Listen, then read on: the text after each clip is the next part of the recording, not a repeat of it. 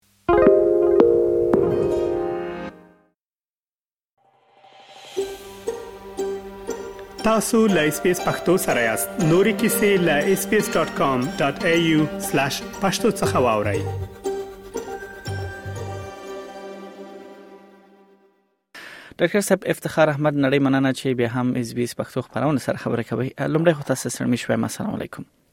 وعلیکم السلام ورحمت الله وبرکاته محترم علي خیل صاحب زه هم تاسو ته ټول درنو اوریدونکو ته خپل سلامونه او احترامات وړاندې کوم امید چې هغه ورونه چې په استرالیا کې دي ورځ په خیر پیل کړي وي هغه ورونه چې په شپه کې دي شپه دې ورته ښه تیر شي ان شاء الله ډیره مننه مننه خوشاله اوسئ ډاکټر صاحب محترم ډیر یو مهمه موضوع په اړه باندې غواړم تاسو نظر واخلم نه اواز دا چې یو دینی عالم من هي تاسو خپل نظر شریکوي بلکې د استرالیا د امامانو د شورا غړیتوب هم لري دلته نو پاغي لحاظ هم ځینې دریزونه دي چې هغه له تاسو نه غواړم روښانه کوم پایل به زل دینه وکړم ډاکټر صاحب محترم کله چې موږ تاسو له اسلامي هیوادونو نه بهر وځو او مسلمانانو من حیث نورو ځایو ته مهاجر کیږو یا کډوال کیږو یو شی چې ټولو نه زیات زمونږ په هغه اول قدم کې مونږ ورسره مخېږو هغه د حلال او د حرام موضوعات دي په ځانګړي ډول په خوړو کې دا ساحه ډیره پراخه ده ولې زه به یوازې راشم چې په دې ورسېو کې ځینې خبرونه هم تر سترګو شول چې هغه د غوخه پر موضوع باندې ده چې کومه غوخه حلاله ده کومه حرامه ده او ولې غوخه حرامه ګرځول شوې ده یو څه پس منظر راکړي بسم الله الرحمن الرحیم دغه موضوع وکړ چې ډیره مهمه او ارزښتمنه موضوع ده مسلمانانو ته چې دغه هیوادونو کې اوسېږي اگر چې په استرالیا کې د حلال او د حرام د خوراکي توکو مسله تقریبا تر ډیره حد پورې حل شوې ده ځکه اسلامي یا مسلمانان تاجران الحمدلله په پراخه کچه لرو او په بازارونو مارکیټونو کې او هغه منطقو کې چې مسلمانان ډیری اوسیږي نو هلته تقریبا دا د حلال دوکانونو او رستورانتونو قصابی نانویان او نور خوراکي توکي ډیر دي خو بیا هم د ستونزو نه مسلمانان دلته خالی نه دي نو اساسي مسله خو په دې غوخه مسلو کې دا ده چې موږ تاسو ته قران عظیم شان یو ډیر روخانه لارښوونه راکړې ده چې یو څه حیوانات یو مرغان وغیره چې حرام دي خو حرام دي خو په دې حلالو کې هم الله عزوجل موږ او تاسو ته لارښوونه کړې ده چې کله چې یو حیوان د هغې خوراک تاسو ته حلال دی هغه هم خپل شرایط لري چې په دغه شرایطو باندې باید ذبح شي، حلال شي، یا د خوړلو وړتیا د حلالوالي په حساب باندې لري نو الله عزوجل موږ او تاسو ته دا فرمایي چې هغه حیوان چې هغه داسې خفق شوی وي یا اختناق شوی وي هغه ستناک ولاو که په لاس باندې وي یا په یو رسه یو پړې باندې وي یا په یو ګاز باندې وي یا د سیبل یو بیهوشي څه شي باندې وي چې هغه ته اختناق ورکول کیږي او بل کر هغه خپل ژوند د لاسه ورکوي نو هغه ته قران عظیم شان منخنقه وایي چې دا منخنقه حیوان موږ ته حرام دی هغه حیوان چې خپل مړ کیږي حرام دی هغه حیوان چې بل حیوان وهي او په نتیجه کې مړ کیږي حرام دی هغه حیوان چې په تیږو باندې خلک دسې وهي په سر سر باندې چې تر څو چې مړ شي یا د یو جیګ ځینه را غورځیږي دغه حیوانات مونږ ته حرام دي هغه حیوان بیا ولو کاغه په چاړه یا چاکو باندې ذبح شوی هم وي خو چې د الله نوم پرې نه یاد شوی بیا هم دغه خړل جواز نه لري نو دغه مسائل دي چې انسان مؤمن چې عقیده لري دا په نظر کې نیسو نو بیا خپل احتیاط کوي تر څو داسې یو غوښه یا داسې یو مال یا خواړه پیدا کړي چې هغه په اسلامي طریقه باندې ذبح شوی وي او حلال وي نو ځکه هم د ذبح طریقې په اړه باندې هم اسلام بیا موږ ته لارښوونه کړې چې سړی یو حیوان ذبح کوي هم سره کوم باید ذبح شي نو د ذبح د پاره بیا مثلا غوا ده یا د میخې په مګه حکم دی یا بیزی دی یا ګډان دی د دې یا د چرګان دی نور پرندګان دی د دغه شانو د ذبح طریقه بیا شریعت کې دا وایي چې څلور شایان باید پستونه کې غوس شي چې یو دغه حلقوم چې موږ تاسو ورته وایو دا ډوډۍ چې دغه د یو مری ورته ویل کېږي دا مری یو بل رنګ غوندې دی چې دا ورسره ذبح شي یعنې غوڅ شي باید او دوه نور رګونه دي چې په عربي کې ورته اوداج وایي نو دا څلور شیان باید یو حیوان غوڅ شي هغه فاسده وینه چې په بدن کې ټوله شوې ده هغه وینه وځي ځکه هغه د انسان صحت ته ضرر کوي که چېرې دغه وینه ونه وځي نو هغه وینه باید خارج شي دا حیوان بیا حلال دی او پاک دی نو دا څلور شیان باید غوڅ شي او د الله په نوم باندې باید ذبح شي یعنی که حیوان کې دا څلور شیان هم غوڅ شوی وي خو د الله نوم پرې نه یاد شوی یو چا د یو بل یو شخص نوم یاکستلی وي یا د کوم پیغمبر نوم یې اخیستلی دی یا د کوم ولی نوم یې اخیستلی بیا هم خوړل جواز نه لري صحیح اما کچیر اوخ د مثلا اوخ بیا زب حقیقي کو دوه طریقه لګ بیا متفاوته ده یا بدله ده هغه په چاړه باندې وهل کی خو د دستونې لاندې حصہ کې چې د دسل خالیګا غونډه ده دغه ځای کې وهل کی صحیح او مثلا دغه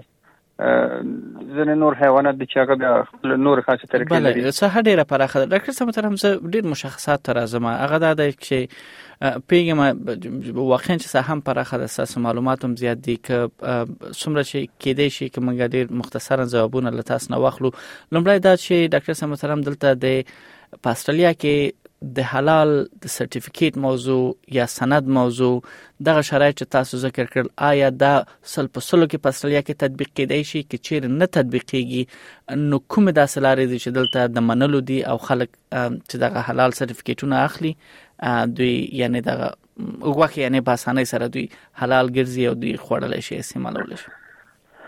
نو دغه طریقې دا د ذبح چې ما ذکر کړې ابتدا کې دا خو هغه د اسلامي لارښوونې دي چې دا باید په نظر کې ونیول شي مګر اوس دغه غربي هیوادونو کې خصوصا دغه طریقه تر یو حده پورې په نظر کې نه نیول کیږي مګر بیا هم داسې ځینې نور لارې په کار اچوي چې بیا هم د جواز څخه خالي نه وي لکه اوس ځینې شرکتونه غټ شرکتونه چې دغه چرګان خصوصا ذبح کوي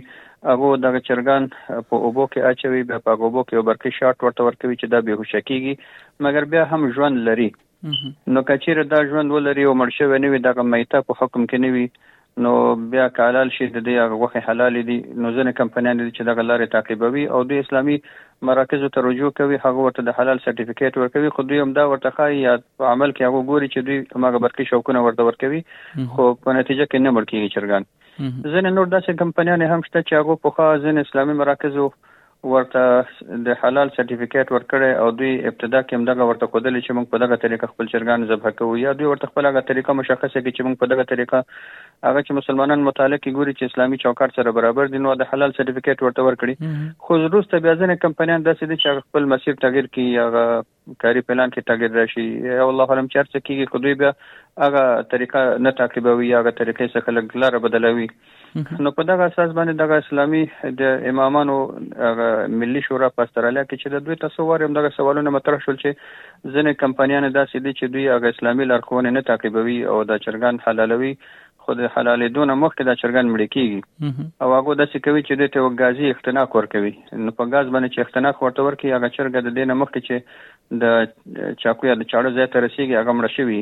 نو هغه به د قرآن په حکم سره هغه د میته په حکم کې راځي یعنې حیوان چې خپله مړ شوی وي که نه یا اختناق شوی وي چې هغه دواړه حکمونه پرې تطبیقېږي نو هغه چې بیا حلال شي هغه حرامېږي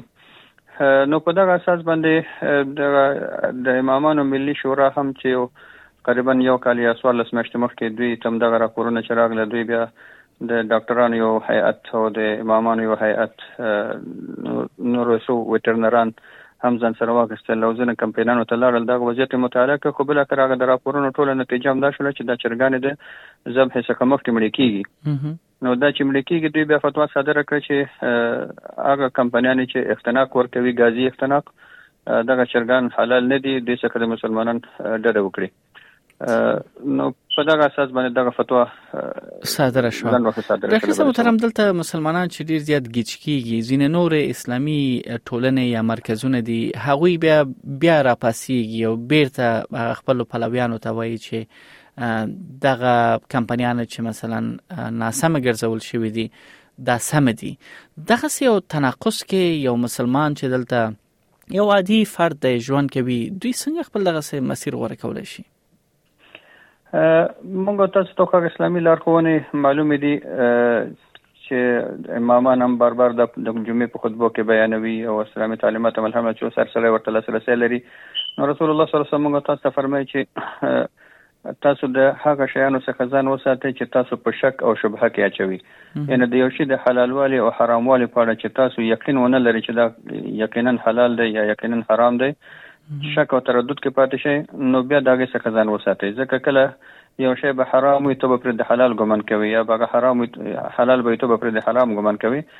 نو هغه شکی شانو څخه ځان وساتي نو دا د چرګانو مسله خصوصا د چرګانو د غوښو مسله په استرالیا کې هغه د شک مرحله ته ورسېدله خو دغه د امامانو ملي شورا چې د استرالیا نېشنل امام کونسل نو د دې تحقیقات هغه نړیوال تحقیقاتو سره هم برابر دي یعنی د اندونیزیا، مالیزیا، عربي متحده عربي امارات، سعودي سو نړیوال سطح باندې هوادونه دي چې هغه هم دغه د چرګانو اختناق حلال نه دی بللی چې دا چرګان مړ کیږي او دغه نتیجه کې هغه غوخه حلال نه بولی خو بیا هم د امامانو شورا د هغو په فتوا باندې یوازې اکتفا ونه کړه او ویې غوښتل چې خپله هم دوی یو ریسرچ او تحقیق وکړي او عملاً دا شی وګوري، نو ځینو کارډیالوجست ډاکټرانو او ویټرنرانو نورو هم دغه تحقیقات وکړه او هغه عکسونه او نتایج یې ټول هغه مسلکي خلکو نتایج یې خپاره کړل، نو مګر سره د هغه هم چې هم چې ځینو اسلامي مراکزو پخوا فتوا ورکړې وه د حلالوالي یا به هغو ته دا ښودل شوي وي چې دا حلال دی یا به د هغو معلومات والله اعلم نتیجې ته به په داسې شکل باندې رسېدلي وي یا به هغه تحقیقات په هغه سوی باندې پوره نه وي چې هغه بیرته د حلال ورکړي خو هغه اکثر چې دا د حلال فتوا هم ورکړي بیا دا یو شی ورسره ذکر کوي چې واټر بیت الکتریک سټننګ ورته دی وایي یعنی په اوبو کې همغه برقي شارټ ورکول نو دا د اوبو کې برقي شارټ ورکولو په اړه باندې استرالیان نشر امام کونسل هم وایي چې دا حلال دي او نور هم ورته وایي چې دا حلال دي خو اوس وخت زما شخصي نظر بیا مسلمانانو ته دا دی چې تر هغه پورې چې بیا هم دوی ته دغه موضوع ښه پوره ثابته نشي یا پوره روښانه نشي نو تر هغه پورې د دوی ځان د دې څخه وساتي ځکه د چرګانو بدایل بیا نو موږ لرو نور غوښه شته چې هغه استفاده وکړي صحیح دا ستونزه نور غوښ کې نشته ډاکټر صاحب محترم نورو کې نشته ځکه دا نور کاغه غواګان دي یا ګډان او بيزي دي نو دغه حلالي طریقه تقریبا ماغه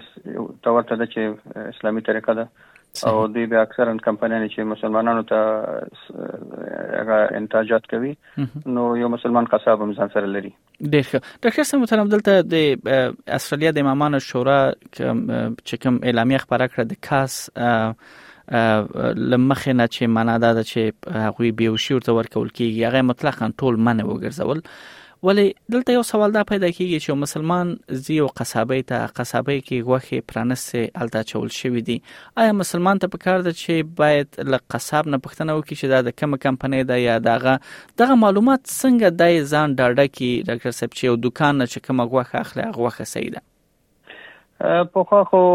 دلته خلکو ته د تحقیق مسله یا اوس هم تقریبا د هر فرد ته د تحقیق دغه موضوع لازمي نه ده چې هر دکان ته لاړ شو دغه څخه پوره جیران پښتنه وکړي چې دا د سره کمال کړي کوم ځنه دراوړي دا ده دا چې دکاندار مس یا قصاب مسلمان دی او د حلال سرټیفیکیټ د اسلامي مرکز څخه لري مګر اوس چې دا مونږ ته ثابته شوله چې یو تعداد کمپنیانې چې یا شرکتونه چې دا چرګانو حلاله کوي هغه اسلامي طریقه نه کاروي یا غازي اختناق کاروي نو دې نورسته باید دوی ځان مطمئن کیول چې دغه قصاب نه چې زه غوښه اخلم د کوم کمپنۍ څخه راوړي او خصوصا دغه امامانو ملي شورا یو تعداد کمپنیانو لیست هم په خپل فیسبوک پاڼه کې خپور کړی دی چې دغه کمپنیان یې هغه برقي شارټ استعمالوي چې هغه کې ان شاء الله مشکل نشته نو که څوک داسې مطمئن شي چې دغه قصاب د هغه کمپنی څخه غوخه راوړي نو بیا د واخلي او که داګه څخه نه وي خو بیا هم ځنې قصابان پیژندل شوی چې د کوم ځنه راوړي او دین ورسته قصابان خپل هم متوجه شوی دي چې باید هغه حلال لټون کې لګ نورم دقت نه کار واخلي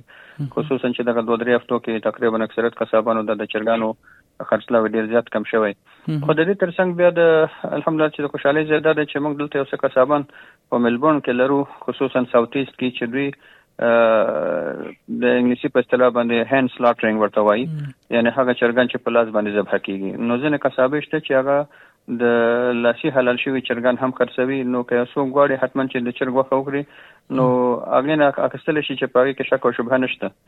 نو هغه ته رجوع وکړي صحیح بل دا مسله ډاکټر صاحب آیا تحقیق لاندې ده او یا دا مطلقاً منع ګرځول شوې ده د انک لخوانه یا د امامانو شورا لخوانه د امامانو ملي شورا د خوانه هغه چرګان چې په غازی اختناق باندې ذبح کیږي د غازی اختناق څخه ورسته دا مطلقاً حرام ګرځول شوی ځکه دې ته په دې موضوع کې دې ته یقین باندې ثابته شوې ده د ډاکټرانو د مسلکي خلکو د راپورونو د نتایجو تر مخه اما برقي شوق ته دوی حلال ویل دي چې هغه حلال دا کې مشکل نشته صحیح بل ډاکټر سم محترم دلته ځینې مسلمانان په دې ان دي چې د البته دوی ډېر د پیغمبر صلی الله علیه وسلم وخت دوی رجوع کوي چې البته د اهل کتاب چې کوم غوخه و یعنی هغه حلال و نو دا هیوادونه چې لکه استرالیا غوندې دي دوی د استدلال کوي چې دا هم یعنی د اهل اهل کتاب غوخه دلته هم حلال ده دغه خلکو ته تاسو ځواب لرئ کچېره موږ تاسو د قران کریم هغه لارښوونه تر رجوع کړو خپل الله عزوجل مونږ او تاسو ته فرمایي چې وطعام الذين اوتوا الكتاب حل لكم کنه چې د اهل کتاب طعام هغه یا د هغه حلاله هم تاسو ته حلاله ده تاسو یې خوړل شئ مګر دلته یو نقطه باریکي ده چې دغه د اهل کتابو حلاله هم د الله په نوم باندې شوی وي یو دا مسله ده بل دا ده چې دوهم مسله چې د دوی هغه ذبح طریقه هم اسلامي طریقې سره چې دغه سلور شیان د یو حیوان غوسیږي په دغه شکل باندې شوی چې نه دغه اختناق پکې نه وي یا حیوان خپل مړ شوی نه وي یا هغه شان چې اسلام حرام بولي هغه شکل باندې نه وي چې مګه ذبح شوی وي او د الله نوم پر باندې مسلمان یاد کړي ولو که هغه چا چې ذبح کړی اهل کتاب کې دي شي هغه خپل هغه عقیدې مطابق ځینې نور کارونه هم کوي خو دا چې حیوان ذبح شوی وي او بل ځینې فقها بیا دا هم ورسره اضافه کوي چې دغه خوراک یا دغه حلاله چې دوی کوي چې د دوی مذهبي خلک خوري ځکه دهغو مذهبي خلک هغه د عقیدي پیروي کوي دانور خلک خو اکثر داسې د ډیرو دیني مسایلو په فکر کې نه وي نو که چیرې هغه ذبیحه دوی ذبح کړي وي او هغه د دوی هغه راهبان یا د دوی احبار یا هغه مذهبي خلک خوري نو بیا په هغه صورت کې مسلمان ته جایز ده چې هغه هم وخوري خو دا چې موږ تاسو نور بدیل لر بدایل لرو مسلمانان لرو چې قصابي کوي مسلمانان لرو چې ذبح کوي نو په هغه صورت کې بیا انسان ته لازم نه ده چې د هغو خوراک ته رجوع وکړي اما دا چې صورت کې چې انسان بل حلال د مسلمان د لاس خوراک نه پیدا کوي نو بیا که فرزند ته رجوع وکړي هم خو چې په دغه شرایطو باندې وي ځکه اوس وخت کې یو تعداد د دوی هغه خپل دیني لارښوونو پیروي نه کوي نو هغه خودمرده حیوان هم خوري چې خپل مړ شوی وي یو حیوان چې خفق شوی دی هغه هم خوري یو حیوان چې اختناق شوی دی هغه هم خوري نو په دغه اساس باندې دوی لږ اسانتیا یا سهلنګاري کوي نو هغه خوراک نه یو سوال پم دی کې دا هم وی تاسو اشاره دی ته وکړه چې ذبح کې د الله پاک نوم یاد شي او بیخي په اسلامي او حلاله طریقه څنګه مسلمان ذبح کوي امغه سدوی ذبح کوي نو دلته توپیر یې د اهل کتاب او د مسلمان څه شو یعنی دا خو مطلقاً سل په سلو کې اسلامي طریقه شو اهل کتاب بله. هم خو په الله ایمان لري خو بیا یو تعداد یې الله سره شرک کوي کنه یا عزیر د الله زوی بلی یا عیسی علی السلام ور سره شریک کوي خو که فرض اهل کتاب او د خپل مذهبي مراسم مطابق فرض کړي عیسی علی السلام نوم ور سره کستل دی یا مثلا کوم بل خپل عقیدتي نوم یې کستل دی خو چې ذبح په اسلامي طریقې چې دغه څلور شیان ذبح کېږي دغه شکل باندې ذبح شوی وي نو بیا مسلمان که فرضاً دغه غوښه خوري مسلمان به بسم الله وایي صحیح صحیح مسلمان به د الله نوم یادوي یعنی ځکه پیغمبر صلی الله علیه وسلم ته یا دغه په وخت کې به ځنې اهل کتاب دوی ته ځنې شیان تحفه کول نو پیغمبر صلی الله علیه وسلم به دوی ته ویل چې تاسو پر بسم الله وایي وې خورئ نو په دغه اساس علما به وي چې به مسلمان ته لازمه ده که مسلمان پر بسم الله ونه وي بیا هم ورته جواز نه لري نو په دغه اساس مسلمان باید بسم الله وایي نړۍ مننه راخسته محترم پرختیا هم کېدې چې پښتنې ډېر زیات وی ولې د مرکه وخت هم دومره نو تاسو له معلومات نه نړۍ مننه او په دې هیله چې دغه لار خو چې تاسو مسلمانانو ته وړاندې کړ دا به دغوی هم په ګټه تمام شوي وي نو خبره زولري خوشاله اوسئ